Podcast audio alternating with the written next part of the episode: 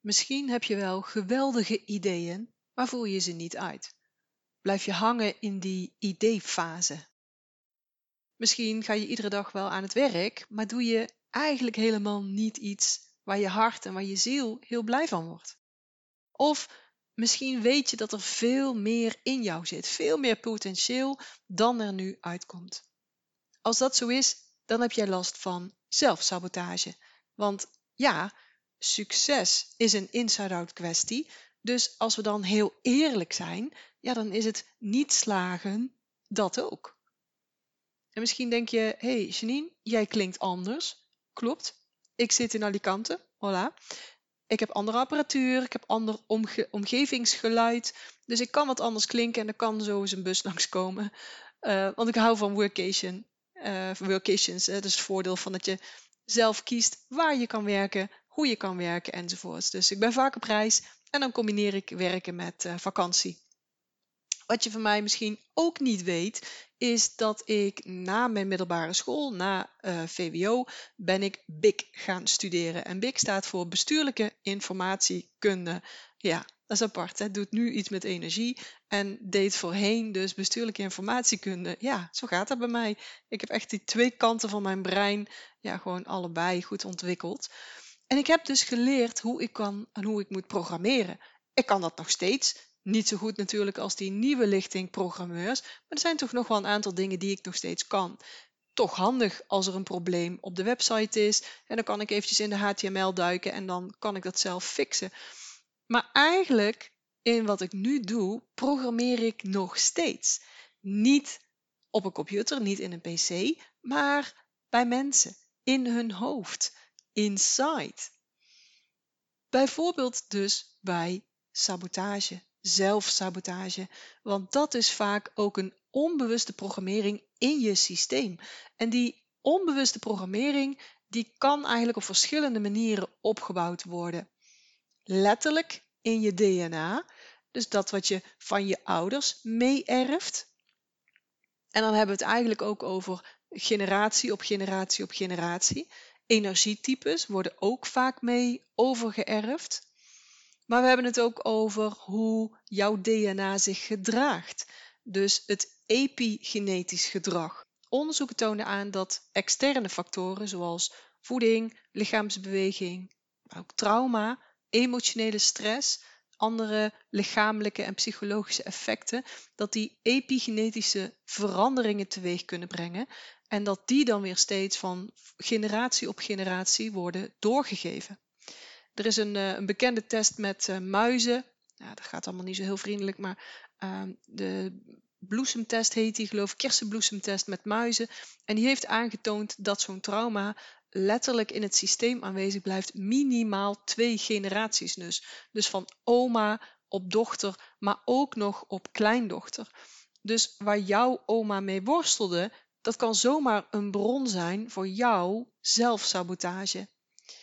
En dan is er natuurlijk ook nog dat deel wat we zelf hebben opgebouwd. Het nahemelse deel, zoals de Chinezen dat zouden zeggen. Dat wat je opgebouwd hebt vanaf je geboorte. En zeker in die eerste zeven jaar neem je heel veel op. Want ja, je weet nog niks, je moet van alles leren. En de mensen om jou heen, die leren jou hoe de wereld eruit ziet. Wat goed is, wat niet goed is. En zoals het bij jou in de familie gedaan werd, ja, dat wordt jou normaal. Je neemt dat aan als de waarheid en daar ga je dan ook naar leven. Bij ons in het gezin was er bijvoorbeeld altijd heel veel achterdocht. Dan zaten we bijvoorbeeld in de tuin en dan spraken we ergens over en dan zeiden mijn ouders, de buren luisteren mee. Dat deden mijn ouders. Dat deden ze omdat ze ergens bang voor waren en daar probeerden ze ons dan voor te beschermen in hun angst. En zij hadden dat natuurlijk ook weer opgebouwd als resultaat van hun jeugd. En daardoor hadden zij dat weer hun waarheid gemaakt. Maar goed, ik ging dat dus ook doen. En eerlijk gezegd, ik heb er nog steeds wel last van, maar ik merk het niet altijd, want dit is voor mij de waarheid. En in het begin had ik het helemaal niet door. Maar het was zo'n focuspunt voor mij. Bijvoorbeeld, dan zeg ik iets of dan deel ik iets op social media. En dan is er een andere ondernemer die ziet dit of die hoort dit en die gaat dat dan direct gebruiken. En daarna voel ik me weer bezwaard om mijn eigen materiaal te gaan gebruiken, omdat ik dan vervolgens een copycat lijk. Althans, zo voel ik me dan. En het heeft heel lang geduurd voor het herkende. En het is zo niet nodig om daar energie in te steken. Het is zo niet nodig om constant eigenlijk met die anderen bezig te zijn. Het is veel beter om gewoon op mezelf te focussen en te doen waar ik goed in ben. Maar ja, dan komt er weer een ander stukje. Als je bij ons thuis vroeger iets heel trots liet zien, dan werd er altijd, wel met een lach, maar toch, werd er altijd geroepen: showpik, showpik. En ik wilde helemaal niet dat er lacherig gedaan werd over wat ik had gepresteerd. Daar was ik toch altijd een beetje onzeker over. Hè? En dan wilde ik helemaal niet dat ze lacherig deden of honend deden. En ik wilde ook niet dat gevoel van achterliggende jaloezie voelen of wedstrijdgedrag. Dus ja, wat ging ik doen? Dan ging ik gewoon niet meer zo enthousiast iets delen of daar niet zo mee patsen tussen aanhalingstekens. En dus zie je hoe zoiets opbouwt en hoe het een weer met het andere, met het andere, met het ander te maken heeft. Zo niet handig, die, die zelfsabotagemechanismen. En als je ze niet doorhebt, dan worden ze alleen maar sterker, sterker en sterker. En bijvoorbeeld dat de KGB luistert mee, die angst van mijn ouders. Ja, ik wist niet beter. Dus je gelooft ook echt dat mensen meeluisteren en dan daar iets mee gaan doen wat dan nadelig is voor jou. Daar ben je dan zo op gefocust. Dus het kan ook niet anders dan dat je daar de bewijzen van gaat zien. Of die ga je naar je toe halen als het ware. Die ga je in dat vakje stoppen als zie je wel. Dat is er. Ja, natuurlijk, dat zal er altijd wel zijn. Maar bij mij viel het dus op. Iemand anders zou het helemaal niet eens gezien hebben of gehoord hebben, maar ik dus wel. En ik dacht dan, zie je nou wel, het is ook zo. En dan stapelt het zich op, letterlijk. In je brein worden die neurologische verbindingen dan sterker en sterker en dan bouwt zich steeds meer myeline omheen, die eiwitlaag en vetlaag die er omheen zit. Dus het wordt ook letterlijk een stevige en steeds stevigere interne saboteur. Totdat je in gaat zien dat het niet de enige waarheid is en dat het jouw waarheden zijn, verhaaltjes die je zelf vertelt en die, je zelf, die jou nog wel eens in de weg kunnen zitten. Zodra je dat beseft, kun je ook gaan kiezen die verhaaltjes te veranderen. En daarmee dus ook een andere programmering aan te leggen met een ander resultaat als gevolg. En tot die tijd, totdat je leert hoe je kunt herprogrammeren, gaan alle beste plannen uh, de meest steunende mensen en de beste mogelijkheden. Alles wat je aan de buitenkant hebt, gaat niks uitmaken. Want je hebt de saboteur aan de binnenkant. Wat zijn nu de belangrijkste signalen dat jij jezelf en je succes op welk vlak dan ook aan het saboteren bent? Nummer 1 signaal is dat je niet kunt kiezen. En dan bedoel ik niet dat je voor de spiegel staat en dat je niet weet wat je aan moet trekken. Dus niet het kiezen in het algemeen, want daar hoef je alleen maar een waterenergietypetje voor te zijn. Maar ik bedoel dus in een situatie waarin je echt iets wilt. Je hebt een doel, een verlangen, een droom, een wens. En dan, in die situatie, kun je geen keuze maken, waardoor je niet vooruitkomt. Je kan bijvoorbeeld niet kiezen welke doelgroep je wilt dienen. Of je kunt geen verdienmodel kiezen. Of je kunt geen niche kiezen. Dus je blijft alles maar lekker vaag houden. omdat je wacht totdat iets nou, perfect is. Of omdat je alles overanalyseert. Dus je wilt van alles, maar uiteindelijk komt het er niet van. Doe je niks. Tweede signaal is dat je niet kunt starten. Dus je hebt doelen, wensen, verlangens. Misschien heb je zelfs wel een missie. Je wordt er ook echt heel enthousiast van. Je weet ook hoe je het wel wilt en hoe je het niet wilt of wat je niet wilt. Je hebt dus geen last van het eerste signaal, maar toch kom je niet van de grond. Wat je dan wel doet? Nou, van alles, maar niet datgene wat je moet doen. Klassiek gevalletje van uitstelgedrag dus. Nou, nog even Netflixen. Ach, morgen kan het ook wel, hè? Eerst nog even op energie komen. Nou, na het weekend, na de vakantie, nee, dan, dan gaan we echt los. Dus je kunt wel kiezen, je kunt wel beslissen, maar je pakt niet door op die volgende stap. Dat is dus het tweede signaal van zelfsaboterend mechanisme. Het derde signaal is dat je wel opstart, maar dat je het niet afmaakt. Dus je bent heel enthousiast aan die online training begonnen en we zijn nu drie maanden verder en je bent nog steeds bij week 2. Of je hebt een business opgezet, maar je hebt nog steeds geen inkomen eruit gehaald. Of je bent aan een programma begonnen om je gezondheid te verbeteren en je neemt niet heel consequent iedere dag actie om dat dus te bereiken. Dus je start wel op, maar je maakt het niet af. Dat is ook een belangrijk signaal van een zelfsaboterend mechanisme. Goed, we hebben dus drie signalen die aangeven dat jij je succes aan het saboteren bent. Of je kunt niet beslissen wat je moet doen, of je kunt niet beginnen, niet starten, of je kunt het niet afmaken, niet volmaken. Maar alle drie hebben ze dus als resultaat dat jij geen vervulling voelt, geen bubbels dus. En dat is zo zonde, want dit gun ik jou zo. Dus wat kun je nu doen om dit te keren? Dus om dat zelfsabotagemechanisme aan te pakken. Allereerst moet je weten dat het niet een eenmalige actie is. Het is niet iets wat je eruit kunt snijden of zo. Hè? Het is ook niet zomaar ineens gekomen, dus het is meestal ook niet zomaar ineens volledig weg. Hè? Dus iets kleins kan wel weg, maar iets wat je al jarenlang hebt opgebouwd en wat uit verschillende laagjes bestaat, is niet zomaar ineens weg.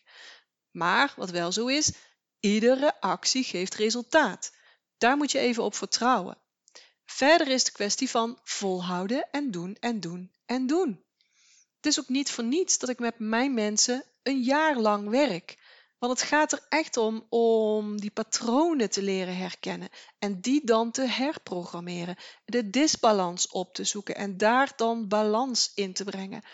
En die, die patronen komen ook steeds in een nieuw jasje tevoorschijn, laagje voor laagje. Ik vergelijk het altijd met zo'n stapel borden, weet je wel? Als je vroeger met je ouders bij de Van der Valk ging eten, bij zo'n buffet, dan hadden ze aan de, aan de, aan de rechterkant op de hoek zo'n stapel met borden. En als je er dan eentje afpakte, dan kwam de rest naar boven. En soms moet je dan eerst tien borden verwijderen voordat de meest interessante borden naar boven komen. Maar ze zullen naar boven komen als je maar volhoudt. Dus oké, hoe stop je nou die zelfsabotage? Zoals je misschien al door begint te krijgen, is er niet een magic pill voor. Als er die was, dan zou ik je die meteen geven.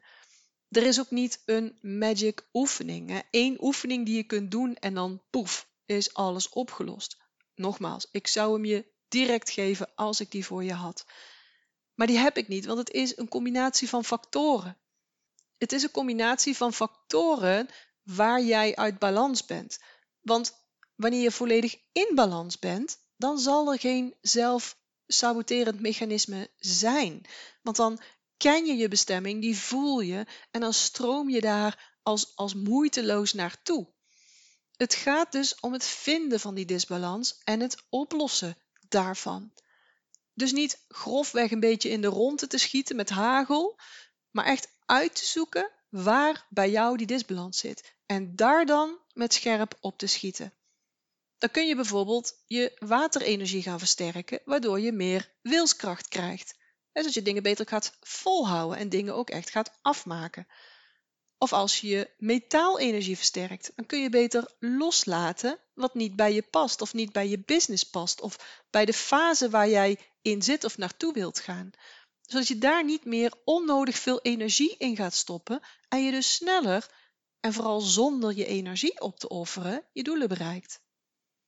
Of je versterkt vuurenergie, zodat je beter kunt gaan voelen waar je hart blij van wordt, waar je ziel blij van wordt, want de ziel huist in het hart.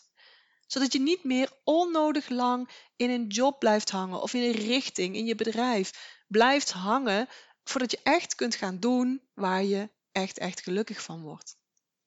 Het oplossen van je zelfsaboterende mechanisme zit hem dus in die balans. In balans brengen van je energie. De tekorten opzoeken, de blokkades vinden en ze verhelpen. Dan werk je ook echt aan een blijvende oplossing en niet aan een tijdelijke shift. Wil jij leren hoe dat zit met jouw energie? Wil jij te weten komen waar jouw disbalans zit en hoe je daaraan kunt werken om dat op te lossen? Doe dan mee met de gratis en live online masterclass die ik binnenkort geef. Je vindt de link in de show notes, dus ga er even naartoe en doe ook mee. Ik weet zeker dat het heel waardevol voor je gaat zijn. Dus maak daar tijd voor, want jouw energie is je grootste kapitaal. En wat is het jou waard als je verlost wordt van die zelfsaboterende mechanismen? Als je veel sneller en vooral ook veel makkelijker je doelen bereikt. Denk eens in hoe dat voor je gaat zijn. Of, en dit kan ook heel krachtig werken, denk eens andersom. Bedenk eens hoe jouw leven eruit gaat zien, hoe jij je zult voelen als je hetzelfde blijft doen. Volgend jaar, over twee jaar, over vijf jaar. Hoe gaat dat voelen? Hoe vind je dat? Nu is je kans om daar veranderingen aan te brengen. En nog gratis ook. Dus ga snel naar die show notes en doe ook mee. Ik weet het zeker. Dit gaat super waardevol voor je zijn. Dit wil je niet missen. Dus zie ik jou heel snel in die masterclass. Zou ik super leuk vinden. Goed, voor nu wens ik je nog een hele fijne dag. Ja, ik zit in Alicante, dus niet vanuit Eindhoven houdoe. Maar toch wens ik dat wel voor je. Dat je goed voor jezelf zorgt. En uh, nou, ik hoop dat je de volgende keer weer bent. En dat je bij de masterclass bent. En volgende keer weer bij de podcast. Tot de volgende keer. Ik hoop dat ik je weer heb kunnen inspireren en motiveren. En als dat zo is, zou ik het heel tof vinden als je deze Master Your Energy podcast zou willen delen. Bijvoorbeeld door een screenshot te maken en die te delen op social media. Waar je me ook heel erg blij mee maakt, is een waardering en een review. Bijvoorbeeld in iTunes, Apple Podcasts of in Google. En uh, hoe meer sterren, hoe meer bubbels. Oh, en abonneer je dan ook meteen even op dit kanaal of ga me volgen op Spotify, dan mis je nooit meer een aflevering.